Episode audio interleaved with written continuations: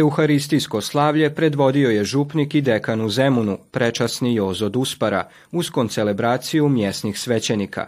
Župljani u Opovu iznova su pokazali da su među najaktivnijima u Banatu, te da skupa sa svojim susjedima drugih vjeroispovjedi svakodnevno svjedoče slogu i zajedništvo čitava crkva ima samo taj smisao da što više bude sve zajedničko jer smo izašli iz svetog trojstva koje je zajedništvo i mi trebamo uvek naglasiti da samo zajednički rad to s jedne strane daje pravi život dakle čoveku a s druge strane zajedno se mnogo više postiže nego drugačije i eto ja sam zahvalan da si to ovdje prilično i dobro radi, neka se tako i nastavlja. Nakon brojnih infrastrukturnih radova i obnove crkve i župnog doma, ambicije župnog vijeća kreću se u smjeru unaprijeđenja pastoralnog života u Opovu.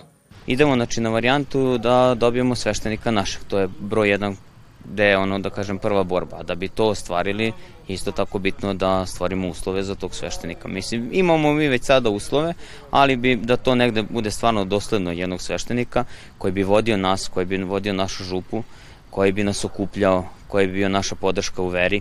Katolički vjernici u Opovu također su i čuvari svojih običaja i baštine, u čemu im potporu pruža Zavod za kulturu vojvođanskih Hrvata. Rezultati njihove suradnje u prethodnom su razdoblju bili veoma plodonosni kada smo prije nekoliko godina prvi puta doveli studente iz Zagreba na terensku praksu, na istraživanje. Tražili smo naravno i kazivače, ljude koji su mogli posvjedočiti o svojoj vjeri, identitetu, o svojoj kulturi. Nije to bilo lako a danas nakon nekoliko godina vidimo obnovljenu crkvu, obnovljeno dvorište, obnovljenu župnu kuću i drugu zgradu u kojoj se ljudi mogu okupljati. Srce mi je puno kada vidim da su se vjernici i drugi župa danas ovdje okupili. Uz Opovčane su na proslavi njihovog crkvenog goda među ostalima bili i dužnosnici vlada Republike Srbije i AP Vojvodine, Hrvatskog nacionalnog vijeća te veleposlanstva Republike Hrvatske u Beogradu. Gledate paletu. Izbor iz emisija na jezicima nacionalnih zajednica.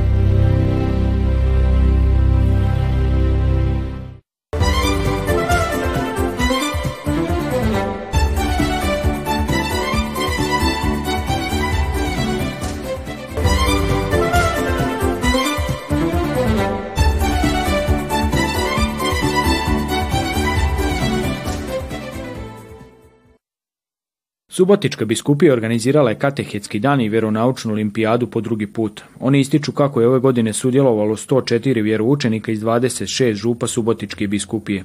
A novina od ove godine je što su se natjecala i djeca i župa na hrvatskom jeziku. Jako je lijepo to da se evo i e, djeca mađarskog govornog područja i hrvatskog jednostavno druže jer bit katoličke crkve jeste da je ona otvorena za sve narode i sve jezike i na neki način lijepo je biti u zajednici i lijepo je se družiti i na neki način spoznati i vidjeti koliko naša djeca su zaista koliko zaista dobro poznaju svoju vjeru iz onoga što smo mogli danas vidjeti, napose iz ovih testova, zaista. Neka pitanja, smo se i mi svećenici zapitali da li su zaista ovaj, toliko pametni da znaju to sve ovaj, odgovoriti. Zaista ja sam oduševljen sa ovakvim načinom širenja pastorala i svaka čast eh, organizatorima i zaista mi je drago da sam danas tu.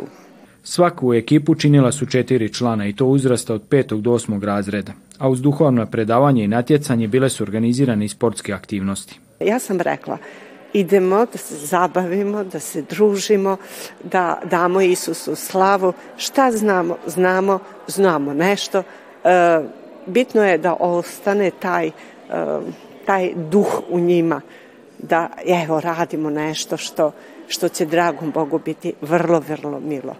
Bili smo na pripremama za takmičenje, ponavljali smo sa časnom, spremni smo, nadam se da smo dovoljno se pripremili za ovo takmičenje i nadam se da ćemo da budemo prvi.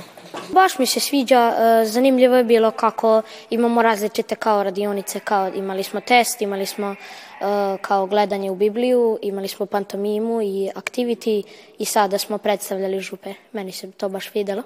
Meni je ovo sve bilo jako zanimljivo. E, najteže su mi možda bila pitanja, jer je bilo jako puno pitanja, a neka su bila teža, neka su bila lakša, ali zajedno smo uspjeli sve riješiti.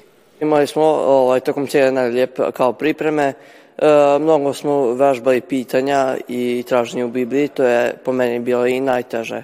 Zanimljivo je, ima puno zanimljivih pitanja, aktiviti, sad smo predstavljali župe. Ja. Šta je bilo najteže? Pa po meni kviz. Ali snašli ste se? Jesmo, sve smo znali. Prvo mjesto ove godine zauzela je ekipa Župe Subotica katedrala, dok je druga bila ekipa Župe Stari Žednik, a treća je bila ekipa Župe Bajmuk. Gledate paletu. Izbor iz emisija na jezicima nacionalnih zajednica.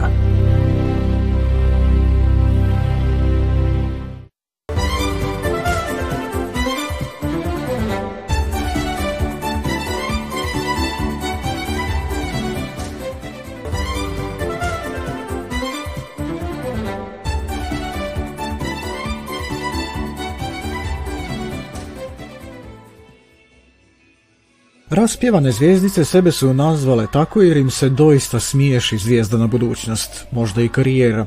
Djeca okupljena u malom zboru Hrvatske glazbene udruge Festival Bunjevačke pisama jedva su dočekala da se okupljaju i pripremaju za nastupe. Prvi nastup su imali na multimedijalnoj večeri dana Balinta Vujkova. Evo, ovo će biti prostor gdje će oni moći da rade, po razgovoru i nekim komentarima, svi već jedva čekaju, djeca već pitaju kad ćemo početi, Marina kad će biti, kad će biti, e sad Marina se kaže evo sad će, sad će, samo da prođe festival.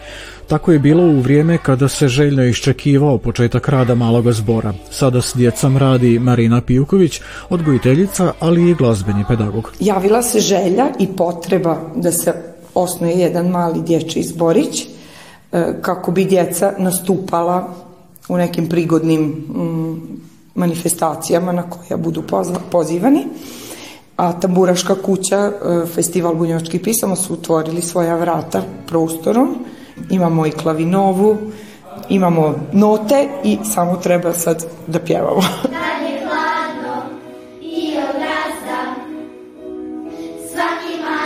U kolovozu smo formirali kraljice koje su prosto eto nekako ostale u ovome, još sam se neki priključuju i još očekujemo da se neki priključe, ali ne treba to da bude neki jako velik broj, jer mislim da je lakše ovaj, sa nekim manjim brojem u nekoj svoj, svom radnom iskustvu sam radila sa brojem i do 100 članova, u vrtiću imam 50, pa sad nekako ovaj broj tu 15-20 mislim da bi bio odličan.